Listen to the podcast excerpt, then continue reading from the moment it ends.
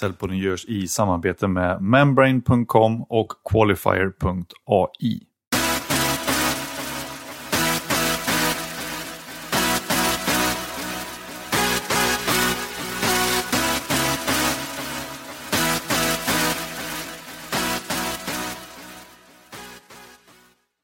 Idag har jag med mig en person som betytt väldigt mycket för mig och för Säljpoddens tillkomst, nämligen copywritern, författaren och marknadsföringsrebellen Christer Maxe.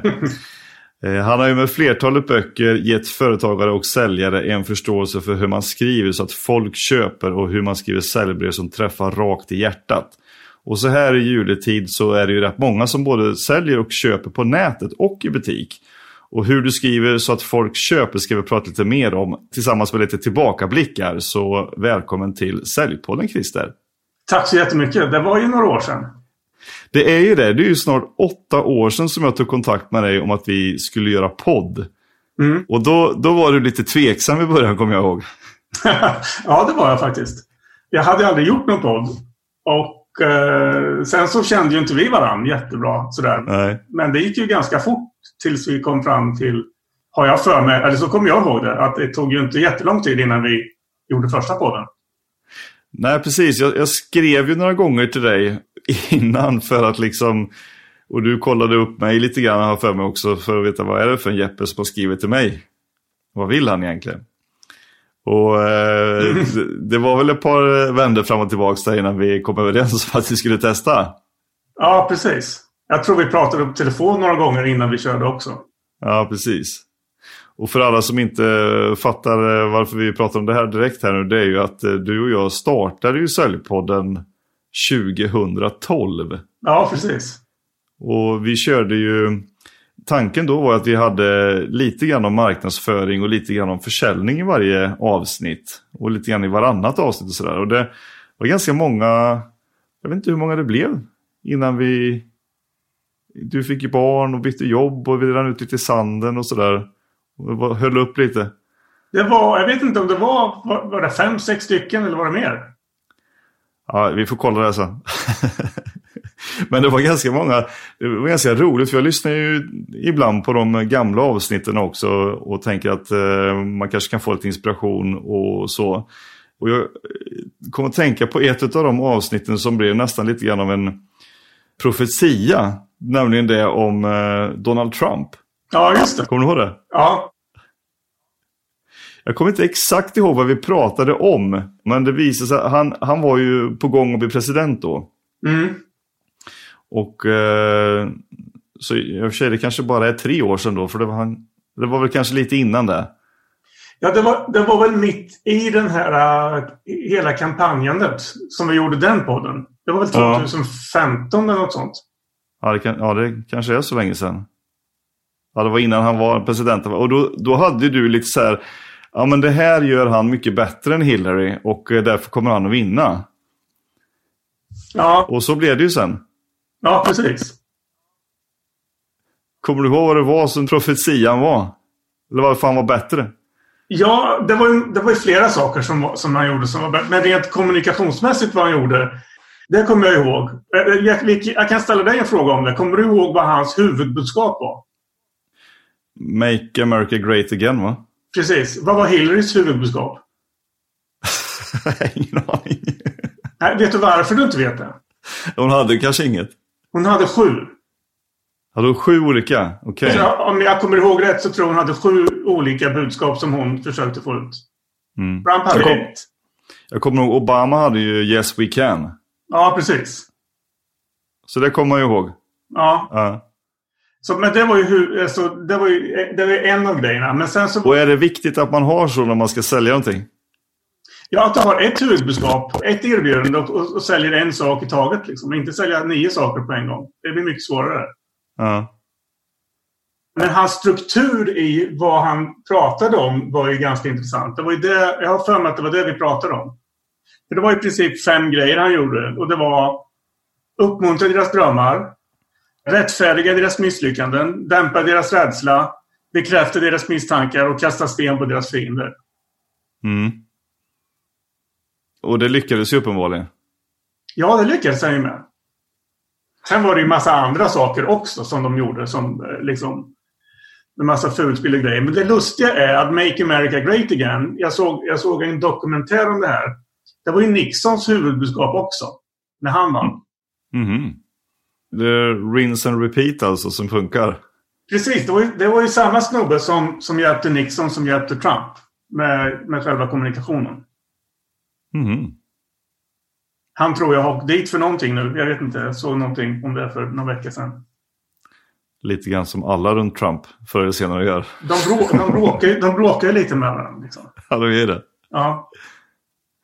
Ja, för det, men det är lite kul det där när just att ha eh, olika budskap. För att jag menar, alla de här som du jobbat rätt mycket med rätt mycket stora bolag genom åren.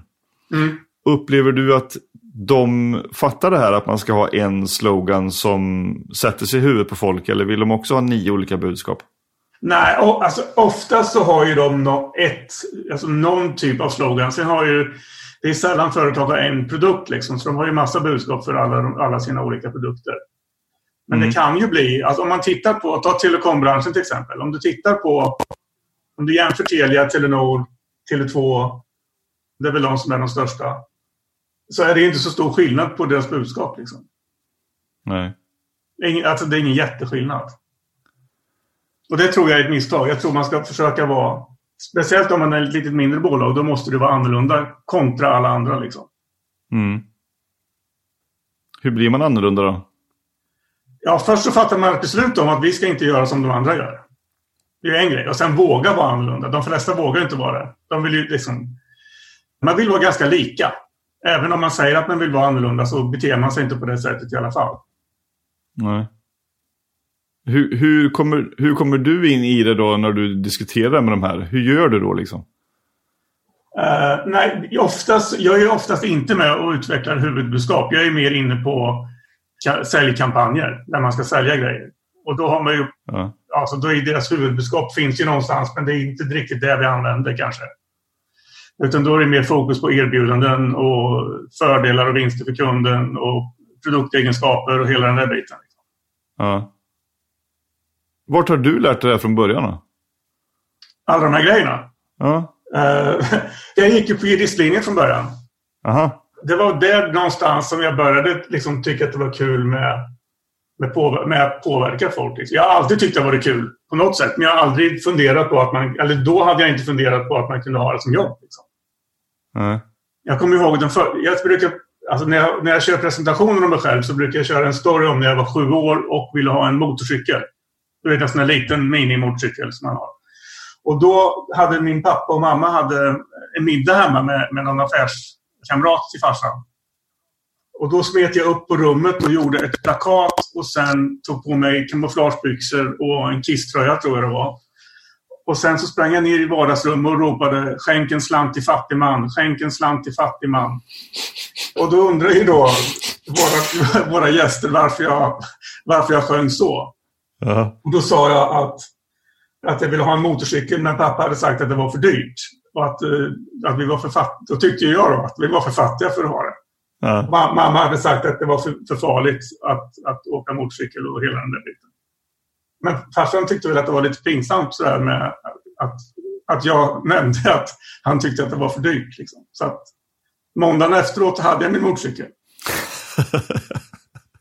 Så du fattade redan som sjuåring och var rebell redan som sjuåring?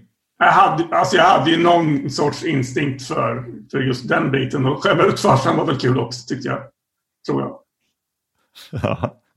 Men det, det lustiga med det, om man, om man analyserar lite och frågar, okej, okay, men vilken, vilken, vilken känsla i farsan är det jag trycker på, så är det ju skam.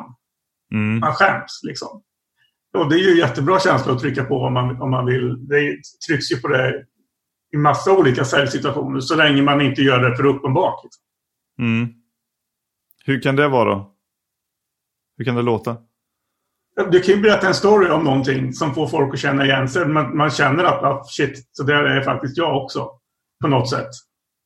Ja. Jag gör inte det speciellt ofta. Det, det mesta man trycker på när det gäller säljkampanjer är, är ju någonstans att man kan spara pengar eller att man får någonting bättre i livet än, än vad det är tidigare och såna grejer. Jag brukar inte köra så mycket på skamkänslor. Nej. Men det går. barn är ju duktiga på det också. Som jag var när jag var sju. Liksom. Ja.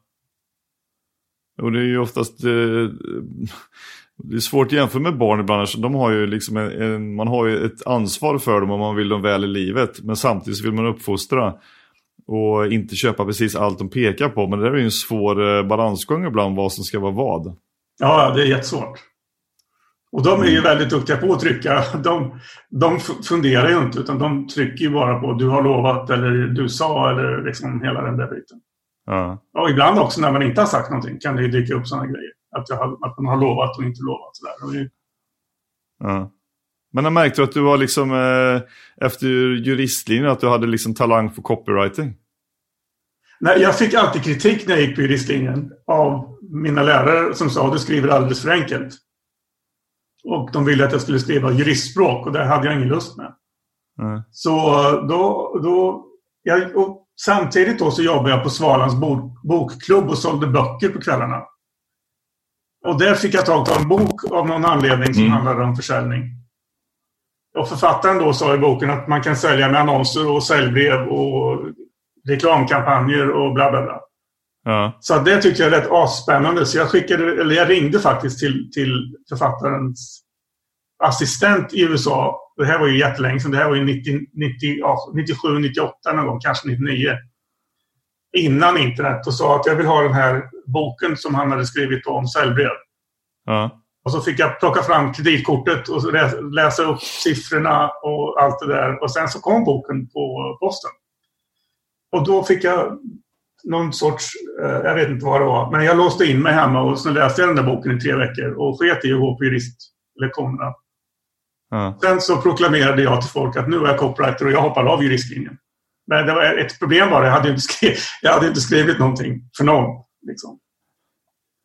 Jag var på en, på en lunch med, med en kompis och då hade han med sig en, en kollega som visade mig sin broschyr. Och då, på den tiden var jag lite kaxigare än vad eller jag var ju ung och kaxig. Då sa jag den där kommer du inte sälja något med. Du måste ha säljbrev, annars funkar inte det där. Och han blev lite sur och, och sa ja, men om du är så jävla duktig då, då kan väl du skriva det. Skriva säljbrevet åt mig. det kan jag göra, så jag. Och gjorde det. Och då följde jag faktiskt alla den här. Jag använde den här boken jag hade som en checklista för att se till att allting kom med. Ja och hade lite flyt då, för säljbrevet gick skitbra. Så han drog väl in typ 80-90 tusen kanske på en, en vecka efter att jag skickat ut det där. Mm. Och då fick jag lite hybris. Då trodde jag att jag var bäst i världen då. Det fanns ju ingen som var så duktig som jag var på det där. Riktigt så funkar det inte. Nej. Men sen så, ja, sen så ramlade jag in på, på... Jag började på en webbyrå och jobbade. På den vägen blev det? Ja, precis. Så att, sen rullade det på liksom. Mm. Och sen, alltså, intresset för det finns ju, jag tycker fortfarande lika kul som det var, som det var när jag började. Jag köper ju fortfarande böcker om copy och försäljning och psykologi och hela den där biten bara för att lära mig mer. Ja. Vilka böcker har du skrivit? Jag har inte riktigt eh, räknat ihop allihopa, men fem, sex stycken nu eller? Uh, jag har skrivit 100 sidor om att skriva säljbrev som träffar rakt i hjärtat. Jag har skrivit en som heter Köp nu. Jag har skrivit en som heter Reklam ja tack. Jag har skrivit en som heter Annonsering för grillaföretagare och så har jag skrivit en bok som heter Tid för allt. Som handlar om tidsplanering. Just det. Och sen håller jag på med en ny bok nu som heter Smart marknadsföring för smarta företagare. Okej, okay berätta om den då. Jag har under flera år funderat på att skriva en bok om, alltså om hela processen och inte bara om copy. Så den här handlar om... Alltså, den är mer fokuserad på det. Alltså, den är mer strategisk än taktisk. Alltså, en grej som jag kommer att prata ganska mycket om i boken är relationer med kunder. Alltså, de flesta jagar nya kunder hela tiden. När de stora pengarna i, de, i många fall finns hos de befintliga. Ett mm. av kapitlen kommer, kommer att heta någonting i stil med hur du skapar livslånga relationer med dina kunder eller något sånt. Mm. Och sen så kommer det handla om alltså dels hur man, hur man skapar relationer med dem men också hur man säljer mer till befintliga kunder. Mm. Om du liksom ger lite tips där då? Utan att avslöja allt som kommer stå i boken. Men hur, från det att man skapar relation med kunderna till att man får dem att köpa mer. Hur gör man? Först och främst, välj ut en målgrupp. Och när jag säger en målgrupp så menar jag inte att du, att du har att du säljer, försöker sälja fem olika grejer på samma gång. Vi kan ta ett exempel. Ta, ta tandläkare. En tandläkare kan göra massvis med saker. Han kan, göra, han kan laga dina tänder, han kan sätta på en eh, sån här tandställning.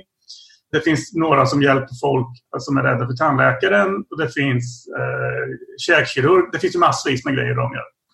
Men när du ska annonsera efter och försöka ska, hitta nya kunder, då ska du välja en av dem. Till exempel, om du väljer alla dem och räddar upp, vi gör allt det här.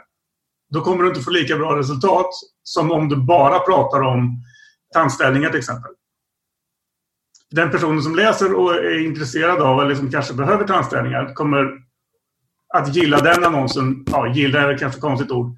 Men kommer respondera på den annonsen i högre utsträckning än man raddar upp alla grejer man kan. Så det är lite grann som Trump och Hillary här, att har du för många budskap så kommer det inte, det blir för generellt alltså eller? Precis. Mm. Och de flesta tycker att det är jättejobbigt att bara välja en. De flesta försöker nå massvis samtidigt. Mm.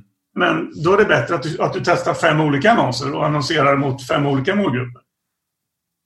Okej. Okay. Så det är ett tips. Ett annat tips är att inte annonsera bara för annonserandets skull. Liksom. Och bara få ut sitt namn är meningslöst. Annonsera för att få folk att räcka upp handen och säga ja, jag är intresserad av det där. Och ge bort någonting som lockar dem. Det kan vi ha som en hel workshop om hur ska man göra de bitarna. Men ett sätt är ju att använda information istället för att använda rena pengar, rabatter och sådana grejer. Mm. Så till exempel om vi kan ta, låt oss säga att någon är rädd för att gå till tandläkaren. Då kan man ju faktiskt förklara anledningen till att, att man ska gå just till den här, för att de är experter på folk som är rädda för att gå till tandläkaren och att de garanterar att det inte gör ont. Och så kan de visa upp flera liksom, personer som har varit där och som säger det här gick jättebra, jag har alltid varit rädd för tandläkaren men, men nu är jag inte det längre för det var inga problem när jag kom hit. Det är ett sätt att göra det på. Okej. Okay. Så annonseringen bör bör innehålla någonting som får folk att räcka upp handen och säga jag är intresserad av det. Just det. Och då är det mycket lättare om man har en annons till en målgrupp istället för att försöka mishmasha ihop allting till alla, allt man gör tillsammans. Exakt. Mm. Okej, okay, mer då? Mer då? Uh, ja, vad ska vi ta sen? Ja, tänk, att tänka på marknadsföring kan bli jävligt komplext väldigt, väldigt fort. Ja. Och svårförståeligt liksom. För att det, blir så, det, det, kan bli väldigt många steg. Jag skulle för, för, eller jag förespråkar att man tänker i tre olika delar. Alltså, före någon blir kund, vad gör vi med dem då? Om du tänker så här, om ditt enda jobb var att få folk att räcka upp handen med din annonsering. Det är det enda du gör i ditt företag. Du behöver inte tänka på något annat. Det enda vi ska göra är att få folk att räcka upp handen och säga ja, jag är intresserad. Så att vi kan börja kommunicera med dem. Då blir allting mycket enklare. Eller hur? Ja, men hur, hur eh, om, om man bara har den uppgiften, vad, vad lägger jag krutet på då?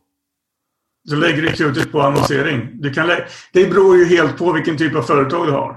Mm. Vissa företag Låt oss säga att vi inte har några pengar alls. Vi har ingen marknadsbudget. Vi sätter ett litet företag som inte har någon marknadsbudget. Nej, men då får vi börja jobba i sociala medier. Vi får försöka komma högt upp i Google och jobba med innehåll på hemsidan så att Google gillar oss.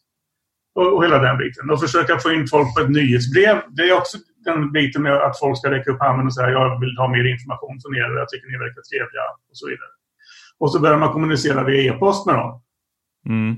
Och där finns det också hur många olika strategier som helst beroende på vad du säljer och, och på vilket sätt folk köper.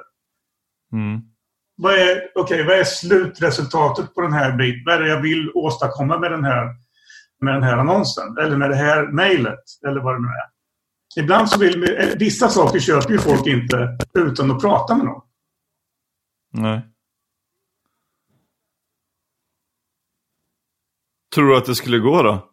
Tror du att det skulle kunna vara liksom maxa online och så skicka in din text så ska jag göra ordning den? Utan att prata med dig? Kanske. Alltså jag, har ju, jag har ju fått folk att köpa kurser och sånt som jag har haft utan att vi har pratat. Men det är sällan någon kommer till mig, det har hänt en gång tror jag, när någon kommer eh, enbart på en rekommendation och går på en kurs över en helg. Det är sällan det händer. Ja. Men däremot så har jag hållit på med mitt nyhetsbrev sedan 2005 eller 2006 eller något. Jag har fortfarande massvis med folk som är kvar. Ja. Som har varit kvar från den tiden. Så de köper ju liksom grejer av mig fortfarande. Det är det jag menar med livstidslånga relationer. Om man har det i huvudet att jag vill ha de här kunderna så länge som möjligt. Och inte att jag ska eh, liksom försöka få ut så mycket pengar från dem som möjligt utan försöka hjälpa dem. Det är det jag gör någonstans. Hjälper folk med, med marknadsföring och försäljning och hela den där biten. Mm. Upplever du att det inte är så riktigt när du träffar liksom kunder då första gången? Alltså att ja, men nu ska vi ha en kampanj och den ska gå i, till 13 december och vi, vi ska få in så mycket liksom, eh, views eller klick eller så som möjligt på den här tiden utan att ta hand om det efteråt. Ja, det är ganska, jag tror det är ganska många som gör det. Mm. Det är nästan lite grann som går att köpa sig en lott och hoppas att om jag vinner nu så då, då är det det som blir. Lite, lite åt det hållet är det. Men, alltså, när du får in, låt oss säga att vi kör en kampanj där vi ska sälja Låt oss säga att vi ska sälja strumpor. Mm. Mm. När du har sålt din första och sen har vi, vi har lite rabatt för att locka folk att köpa strumpor. Mm. Och så får vi in, säg att vi får in 450 50 pers. De 450 kommer ju köpa mer strumpor. Frågan är, kommer de köpa strumpor av mig igen eller kommer de köpa strumpor av, av mina konkurrenter? Mm. Så att... Vad kommer det bero på? Ja, det kommer att bero på att de ser, ser annonser från andra strumpor eller att de eh, får rabatt av någon annan. Och vi, att vi inte har faktiskt börjat kommunicera med dem och ta hand om dem och fortsätta ge dem bra erbjudanden. Mm. Och kommunicera på ett sätt som folk tycker är intressant och trevligt istället för att bara, istället för att bara prata strumpor hela tiden. Alltså, det finns mm. ju inte så jättemycket grejer att säga om strumpor. Om man ska ha en lång relation med någon så måste man dels så måste de gilla dig. De måste lita på dig. Och de måste få lära känna dig lite grann. Folk köper ju hellre av någon de känner än att, om någon helt okänd. Eller ansiktslöst företag. Ja. Det beror ju också på vilken affärsmodell man har. Och hur man arbetar med, med, med alla, alla saker. Liksom. Mm. Men jag tror ju på att skapa långs alltså, ha det i åtanke hela tiden när man gör marknadsföring. Att det här ska bli en långsiktig relation med de här kunderna. Mm. Så lång som möjligt. Ja, men intressant, för det är samma sak som jag pratat väldigt mycket om i, dels när vi två började podden här för sju år sedan, att det gäller egentligen samma sak för sälj. Att, att du kan ju ta exemplet med strumporna här, att ja, visst du kan ju sälja en strumpa på telefon då, eller ett par över tid, men de, du hör ju aldrig av dem igen. Nej, precis. Så de får ju en, ett par strumpor en gång. Och det kostar då lön för telefonsäljaren och så säljer han några strumpor det kan inte bli jätteplusaffär för de måste ju köpa in samma tjänst. Eller förvisso du kanske flytta område, men du kommer ju aldrig till mig igen. Efter ett halvår när mina strumpor är slut. Nej, är sälj och spring brukar man kalla det för. Ny kund, mm. ny kund, ny kund, ny kund, ny kund. Istället för att ta hand om de befintliga kunderna. Mm. Det känns som att det håller på att bli lite mer åt det hållet att, eller det kanske har varit länge egentligen de strömningarna, men att just man är inte så intresserad av att investera i nya relationer eller nya leverantörer hela tiden om det är så att det funkar bra med det man har. För man har ändå investerat ganska mycket tid, energi och eh, ja, känslor kanske ibland också för sina säljare eller för sina kunder. Och kunderna kanske inte då vill byta säljare eller leverantör för att det är jobbigt att skapa en ny relation också. Ja, visst är det det. Även om det är lite dyrare. Ja, och sen är det osäkert. Man vet ju inte hur relationen kommer att utvecklas har man en bra relation så brukar man liksom vara hyfsat nöjd med det. Och det, det behöver ju inte betyda att, att den relationen är, så är optimal, bara den funkar. Mm. Tillräckligt bra för att man inte ska vara jättemissnöjd. Liksom. Mm. Jag tror att det är det största misstaget som alla säljare egentligen gör. Det är att man inte riktigt eh, håller den servicegraden och närvarograden till sina kunder som man borde göra. Eftersom man hela tiden letar nytt. Ja, precis. Uh, det, jag kommer inte ihåg vad han heter nu. Jag bara fick in det här i huvudet. Jag tänkte ta det. Det finns Joe, Joe Girard, tror jag han heter. Han var ju någon, någon typ av supersäljare på 60 och 70-talet.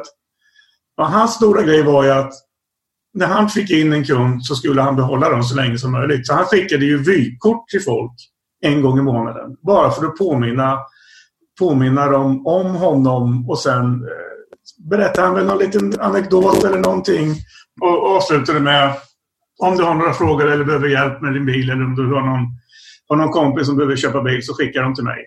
Mm. Och när man gör det hela tiden, alltså i flera år.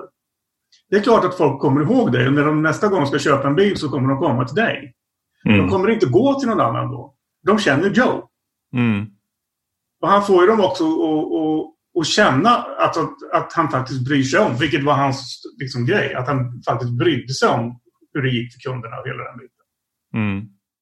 Men sen hade han, han tog ju alltid bild på sig själv med nya kunder som han satt upp på väggen. Ja, just det. I, eh, i bilhallen. Det är klart att folk blir imponerade om du har tusen pers på, och han på bilder där när de kommer in. Då fattar ju folk direkt att ja, Joe är ju tydligen hyfsat populär när han säljer bilar i alla fall. Jag har för mig att du och jag pratat om det här en gång, eller om det är så att jag läste i, i någon annan ställe just om den här killen. Därför att han gjorde ju också så att han lät ju kunderna visas in på sitt kontor och så sa han jag ska bara gå och hämta en grej.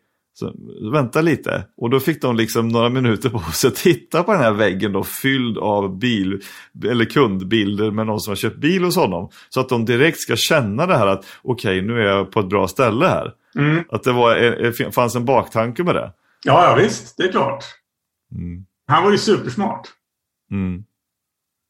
Men upplever du liksom att copyright har blivit ett annat sätt eller att det har blivit på ett annat sätt nu med e-handel och det här få attention på ett annat sätt jämfört med hur det kanske var förr. Jag menar, nu skulle folk förmodligen bli jätteglada om de fick ett vykort eh, skickat till sig med, från någon. Men förr var ju det mycket vanligare att ha ett mer analogt sätt att skriva till människor på. Men har det ändrat sig tycker du? Både ja och nej. Människor har inte ändrat sig, men media har ju ändrat sig. Det är mycket, mycket mer reklam i ansiktet idag än vad vi fick förr. Liksom. Mm. Man blir ju liksom... En, ibland så orkar man ju bara inte... Även om det är saker som jag är intresserad av. Om jag är inne och scrollar lite på Facebook så blir det så här, men jag orkar inte nu. Det är för mycket grejer liksom, hela tiden. Mm.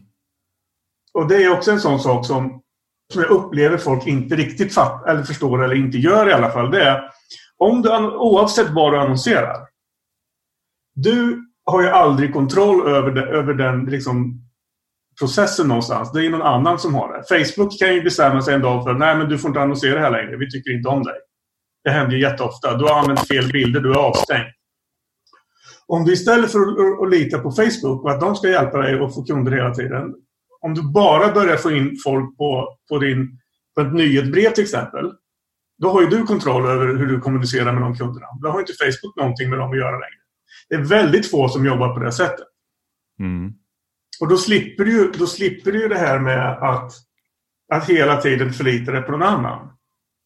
Mm. När folk säger att ah, det är ingen som öppnar och läser e-post. Jo, det är det visst det. Om du, om du sköter relationen med kunderna så kommer de öppna hur länge som helst. Mm. De kanske inte öppnar alla mejl du skickar till dem, men de kommer att öppna mejlen om du, om du gör den processen bra. Mm. Ett annat tips. Det är också det här. Om du, när du annonserar till exempel 25 rabatt på de här strumporna som vi har pratat om. Deadline är på fredag. Då pushar du lite folk för att handla. Men det är en ganska liten del av, mark- av hela din marknad som kommer att köpa strumpor då. Låt oss säga att den är, man brukar säga att den är ungefär på 3% De som är intresserade just nu, det är ungefär 3% av alla. Om den siffran stämmer eller inte spelar inte så stor roll. Men om du istället för att annonsera 25 rabatt på strumporna just nu så, annonser, så ger du bort ett, ett presentkort på säg 100 spänn som du kan använda när du köper strumpor. Om de anmäler sig till nyhetsbrevet. Nu kan du börja kommunicera med dem hur mycket du vill. Mm. Och så länge du gör, gör, den kommunikationen bra så kommer folk att köpa av det för de vill använda de här 100 kronorna som de har fått. Mm. Då slipper du ju de här 3 procenten. 3 procenten som du kommer få i vanliga fall som öppnar. Som handlar nu direkt. Då kommer du få in en mycket större ja. del av, av marknaden. Just det. Man kan köra bägge och testa. Så, det, så man reclaimar egentligen du, du, måste få din e-post egentligen av en kund då för att överhuvudtaget kunna göra detta. Det är liksom huvudbudskapet. Ja. Och då kan du äga din egen kommunikation med, med dem och då kan du mycket lättare se vilka som trillar bort och vilka som eh, fortsätter köpa. Mm. Jämfört med att bara skicka ut det på Facebook. Mm, okay. Precis. Här, alltså, här är, den anledningen till det är jag, nu kommer jag inte ihåg vad den här undersökningen var, men det var någon, det finns ett företag i USA som undersökte, jag tror de undersökte när man skulle köpa diskmaskin. Så då går de ut med en enkät och så frågar de, kommer du köpa en, en diskmaskin inom ett år eller någonting sånt där? Och då räckte folk upp handen och de som räckte upp handen och sa ja, jag kommer att köpa en diskmaskin. Då var det, tror jag, 3% som köpte under den första veckan, eller en vecka efter. 18 månader senare, då hade 80% köpt en diskmaskin. Ja. Tänk dig då om du bara marknadsför mot de som ska köpa en diskmaskin just nu. Kontra marknadsförare mot dem under 18 månader. Då kommer du också få mycket mer försäljning. Mm. Om du får in dem på ett nyhetsbrev. Då kan du, då kan du kommunicera med dem hur mycket du vill under 18 månader och ge dem massvis med bra tips när det gäller diskmaskin. Nu kanske inte diskmaskin är jättekul att höra om 400 gånger på 18 månader, men man kan göra andra saker med dem. Det finns ju fler, man säljer ju oftast fler, än bara, fler grejer än bara diskmaskiner till exempel. Ja. Jag fattar.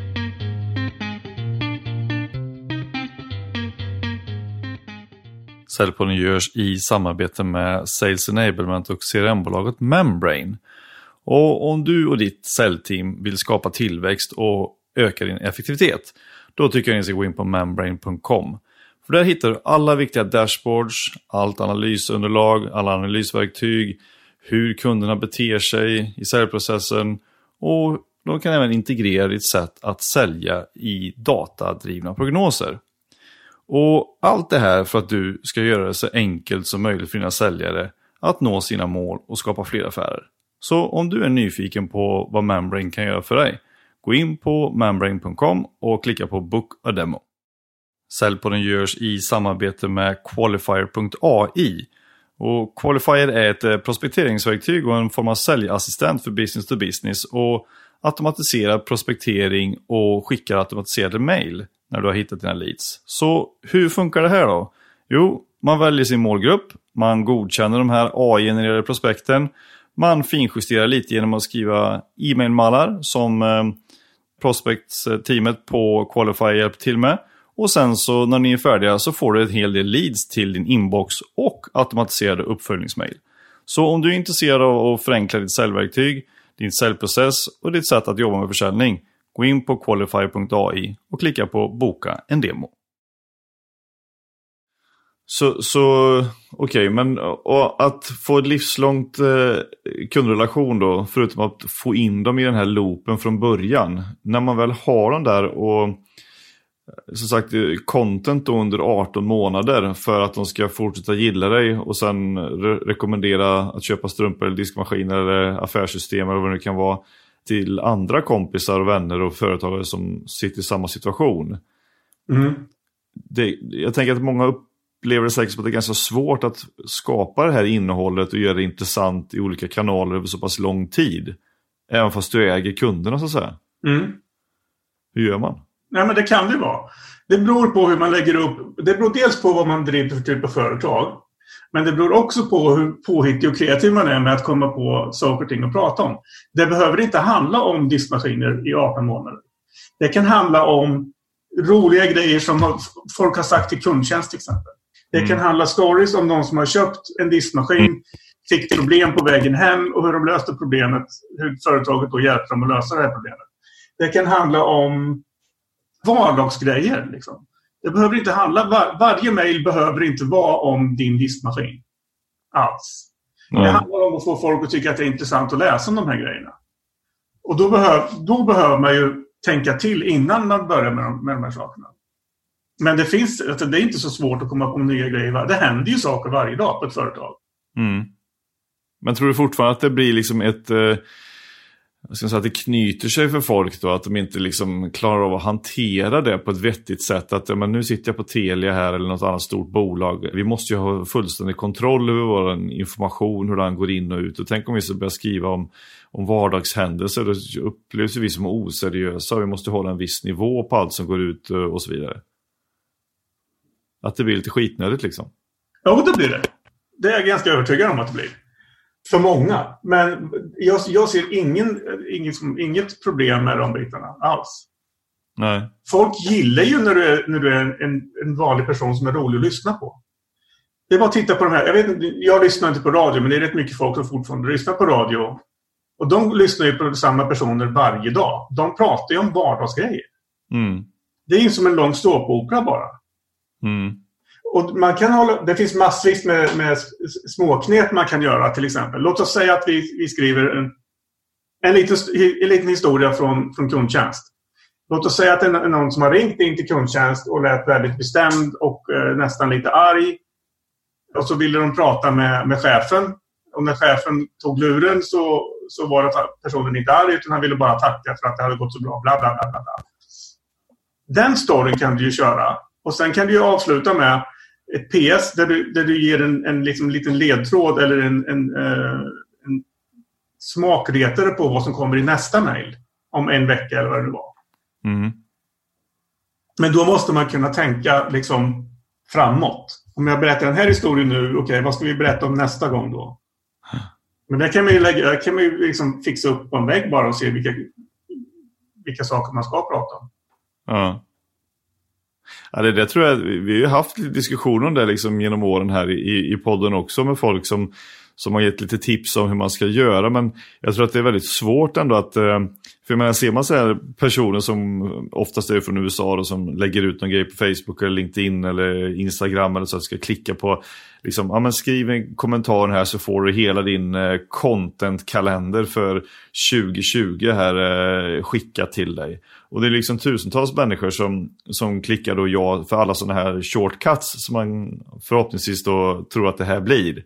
Men blir det shortcuts bara för att jag har en kalender på, på väggen och så okej okay, på måndag ska jag skicka, men jag har gjort samma sak jag, ja men för podden här, men på måndag ska jag göra det här, onsdag ska jag göra det här, fredag ska jag göra det här, söndag ska jag göra det här.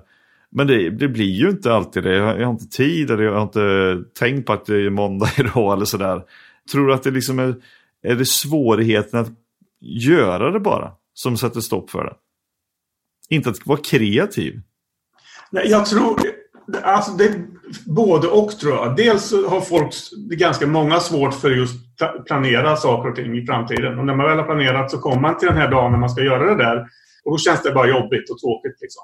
Mm. Och då är det väldigt lätt att bara skippa det. Man måste nog se till sig själv om man, den person, eller, eller leja ut det till någon som är bra på det. Ja. Jag fastnar när jag ska göra de här bitarna. Ja. Då kan, kan vi lösa det åt dem. Jag ska bara, får jag bara ge ett exempel? Vilket mm. är ditt favoritband? I musik? Ja. Um... Mm. Ja, men låt mig säga då Coldplay. Coldplay, okej. Okay. När, upp, när upptäckte du Coldplay? Det här var ju säkert eh, 15-17 år sedan eller något. När de ganska för...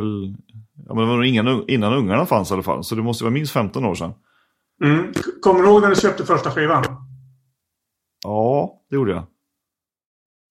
Vad hände efter att du hade köpt skivan? Gick du hem och lyssnade på, på skivan då? Eller, vad? eller Jo men det var så här att jag köpte den, det var ju CD-skiva då. Så den hade jag ju lyssnat på i bilen hela tiden. När jag åkte till kunder och sånt. Ja. Mm. Sjöng du med? Och sen köpte jag en till. Ja. Ja, det gjorde jag. nu har jag bara tagit upp ett enkelt exempel med rockband som du gillar. Det kan du ju ja. skriva hur mycket som helst om. Ja. Vilka känslor man fick och vad man gjorde när man lyssnade och sådär. Ja. Precis, vilken kund man var på väg till och hur mötet gick. Det finns hur mycket saker som helst att skriva om. Mm. Och kommunicera. Och det behöver ju inte vara rockband. Det kan ju vara, du har ju du har spelat eh, handboll har jag för mig. Ja, volleyboll. Precis. Volleyboll. Ja, det kan man ju skriva också massvis med saker om. Ja. Och det är anledningen till att skriva om det, och om man skriver om det något som är intressant, det är att folk Folk vill ju veta vad som händer nästa gång med Coldplay. Mm. Eller folk eh, kan mm. relatera till dig om de kanske också gillar jo. Coldplay. Så, ah, jag, jag skriver ju så. Mm. Mina mejl är ju nästan bara sådana grejer. Inte alltid. Jag, jag blandar med tips, tips för, för liksom, eller misstag folk gör med vissa saker med med personliga anekdoter. Till exempel kommer jag skriva om, för jag köpte, förra veckan köpte jag Kiss-biljetter till Kiss på Tele2 Arena. Det är ju 99 gången de har sin sista turné. Och folk går ju på det hela tiden. Men nu köpte jag biljetter till mig och Charlie, min grabb. Mm. Jag var 12 första gången jag såg Kiss. Och nu är han, han är 10 och kommer se dem första gången. Så det blir en rätt kul pappa-son-grej att göra. Liksom. Mm. Första, enda och sista gången. Precis. Eftersom det var sista turnén. Igen. Det kommer vara sista turnén ett par år till tror jag. ja.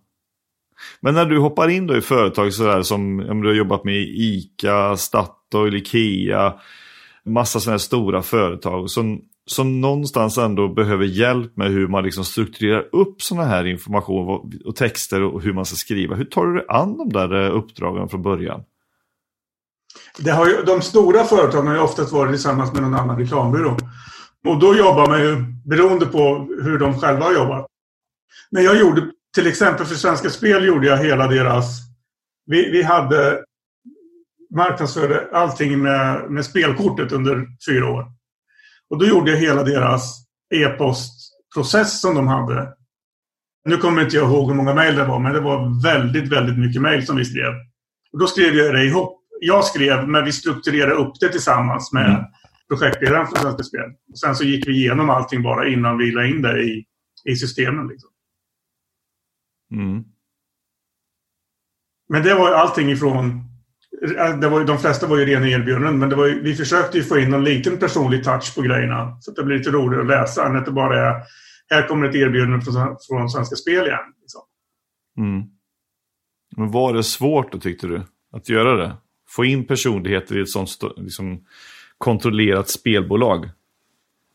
Nej, nej in, inte när man väl sätter sig ner med personerna och, och, och pratar liksom om vad vi ska, vilket innehåll vi ska ha i kampanjerna. Och i, när det är så många mejl så kan man inte bara köra här kommer erbjudandet, här kommer erbjudandet. Liksom. Det blir jättetråkigt då.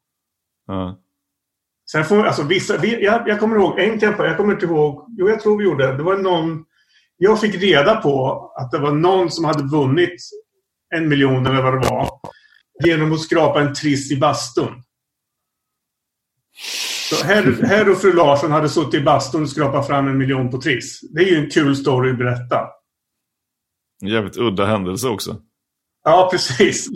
Folk gör konstiga grejer. Ja. Och alla kan hitta sådana saker. Bara mm. man letar efter dem. Så, så lite tips där då, liksom hur, hur, folk ska göra för att skriva så folk köper.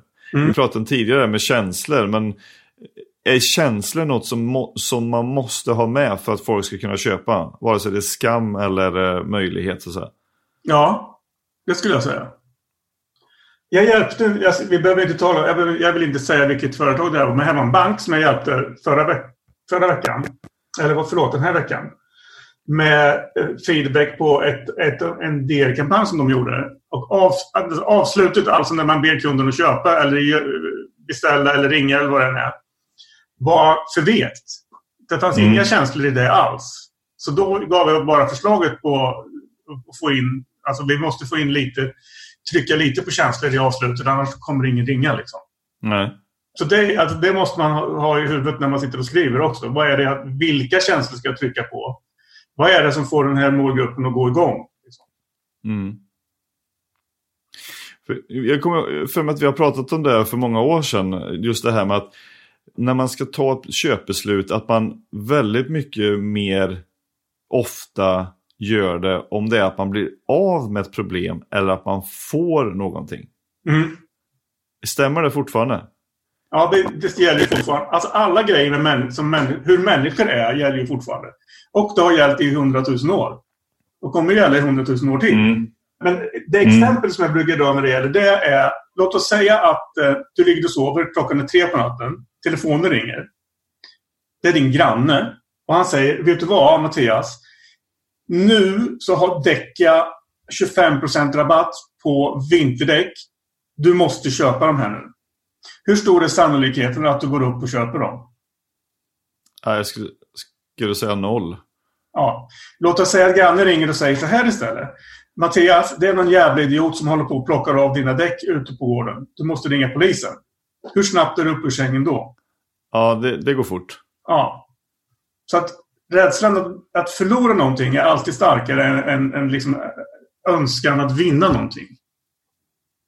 Ja. För jag har använt det några gånger eh, när folk har frågat om ja, men kan du kolla på den här texten, jag eh, tänkte ha det på hemsidan. Och då står det liksom, ja men vi ger dig möjligheten att eh, du får detta om du sådana här lite mjuka liksom, möjlighets... Liksom, om du köper en lott så kan du vinna en miljon men du får annars 10 000 i näven. Mm. Ja, vad tar du? Ja, men eh, möjligheten att köpa en lott? Ja, då tar jag hellre 10 000 i näven än att liksom inte få noll eller kanske chansen millimal vinna en miljon. Ja, visst. Så, så att det är ju, när jag har sagt det så som du sa nu, att, ja, men, att få, eh, att man hjälper dem att bli av med ett problem. Att den känslan kommer vara mycket starkare än att de får möjlighet att spara tid. Mm. Eller vad det nu kan vara. För men vad skulle du, jaha, om jag sparar fem minuter, jag fattar inte, vad ska jag med det till? Eller vad då? Men istället, jag blir av med administrativa bekymmer genom att automatisera det här. Usch, det låter bra. Ja, helt annat. Mm. Men de flesta pratar, jag brukar ta ett exempel med en säng som jag, gör, som jag håller i utbildningarna. De flesta, om, om du går ut och tittar på säng, sängreklam på nätet så kommer du se att de pratar nästan bara egenskaper om sängen. Mm. Det är ett misstag. Vad är fördelen med den här sängen? Så egenskap, fördel och vad är vinsten med det? Och egenskapen, vi säger att egenskapen är en ny sorts madrass som har ett visst material i sig och som är så och så liksom, absorberande och bla bla bla. Det är bara egenskaper. Det är inte anledningen till att jag kommer köpa den där sängen. Nej. Vi säger att, den här, ja, vi säger att madrassen är av ett visst material. Vilket gör att man sover skönare. Det är därför jag köper den. Då kan vi ställa frågan sen, okej. Okay, vad är vinsten av att sova skönt på natten? Ja, det är att man vaknar pigg. Okej, okay, så kan man gå ännu längre och säga, okej, okay, vi låtsas nu att, att orka med, eller vad var det jag sa? Känna sig pigg. Känna sig pigg, okej. Okay. Vad, vad, är fördelen med att känna sig pigg då? Ja, klara av att jobba. Hålla ut en hel arbetsdag. Precis. Är, okay. vad är fördelen med det då? Förmodligen så blir jag en eh, trevligare arbetskamrat och eh, förmodligen trevligare när jag kommer hem också. När jag, när jag känner mig pigg. Ja, så kan du ju fortsätta och gräva och gräva och gräva. Ja. Hur långt som helst om man vill. Man behöver inte gräva jättelångt. Det räcker med att göra de första tre. Liksom. Att det, det, gräver man tillräckligt långt så blir det ju liksom ja, anledningen till uh, att man blir framgångsrik är uh, att man hade en bra säng. Ja, precis. Ja. Så kan det vara. Ja, ja intressant. Det, det där är ju... Jag tycker inte att jag läser om det så ofta eller hör så ofta om det heller. Att man liksom resonerar på det här sättet. Utan att det blir också, ah, vad fasen ska vi göra nu den här veckan? Eh, vi slänger ut någonting om det här. Att det blir liksom en lite ad hoc sådär på uppstuds. Och inte, inte den här marknadsföringskalendern eh, som matar på dag ut och dag in med olika grejer. Utan man får känslan av att folk tycker det är jävligt jobbigt. Mm. Men det är ju, alltså marknadsföring är ju rätt tufft för du måste ju tänka hela tiden. Mm. Och det är jobbigt. Ja, det är jobbigt. Att tänka rätt är nu bättre. Ja, precis. Det är väldigt lätt att inte tänka och inte bry sig. Liksom. Mm. Men när man jobbar med både marknadsföring och försäljning, då måste man tänka. Mm. Om, det ska, om det ska gå bra. Mm. Och fundera igenom. Det finns ju massa grejer man måste fundera igenom. Eh, allting ifrån hur mycket pengar man har till, till vilken målgrupp man vill ha och vilket erbjudande man ska ha och hela den där biten. Och hur man ska få folk att räcka Ja. upp handen. Hur ska vi få de befintliga kunderna att köpa mer oftare från oss? Ja. Och välja oss istället för konkurrenterna. Det är massvis med grejer man måste tänka på. Du, du håller ju rätt mycket kurser också. Mm. I hur man eh, skriver så folk köper. Mm. Bland annat. Bland annat. Eh, vad, hur, eller vilka kurser har du ska säga? Just nu. Ja, just nu har jag en som heter Kompiskopy. Som är mitt... Alltså, den är, den är inte riktigt klar. Den är, jo, den är klar. Men den kommer att byggas på. Så liksom man, när man köper kursen så kommer man få alla delarna hur långt det än blir nu. För att jag tror på det här med att man ska vara... Dels, man ska skriva så att det känns för personen som läser det som att man är en av deras kompisar. Mm. Typ. I vissa fall.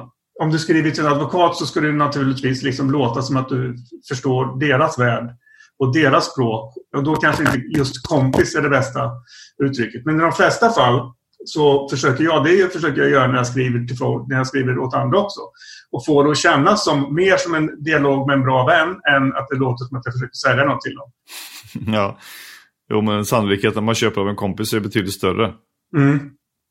Eller som man får en känsla av trovärdigheten. Ja, precis. Sen har jag en, en liten minikurs i storytelling. För jag tycker att storytelling är jättekul och extremt effektivt när det gäller både sociala medier och e-post och direktreklam. Och hela den biten. Folk gillar Ja. ju stories. Om du kommer på en bra story så funkar det ofta väldigt, väldigt bra. Ja.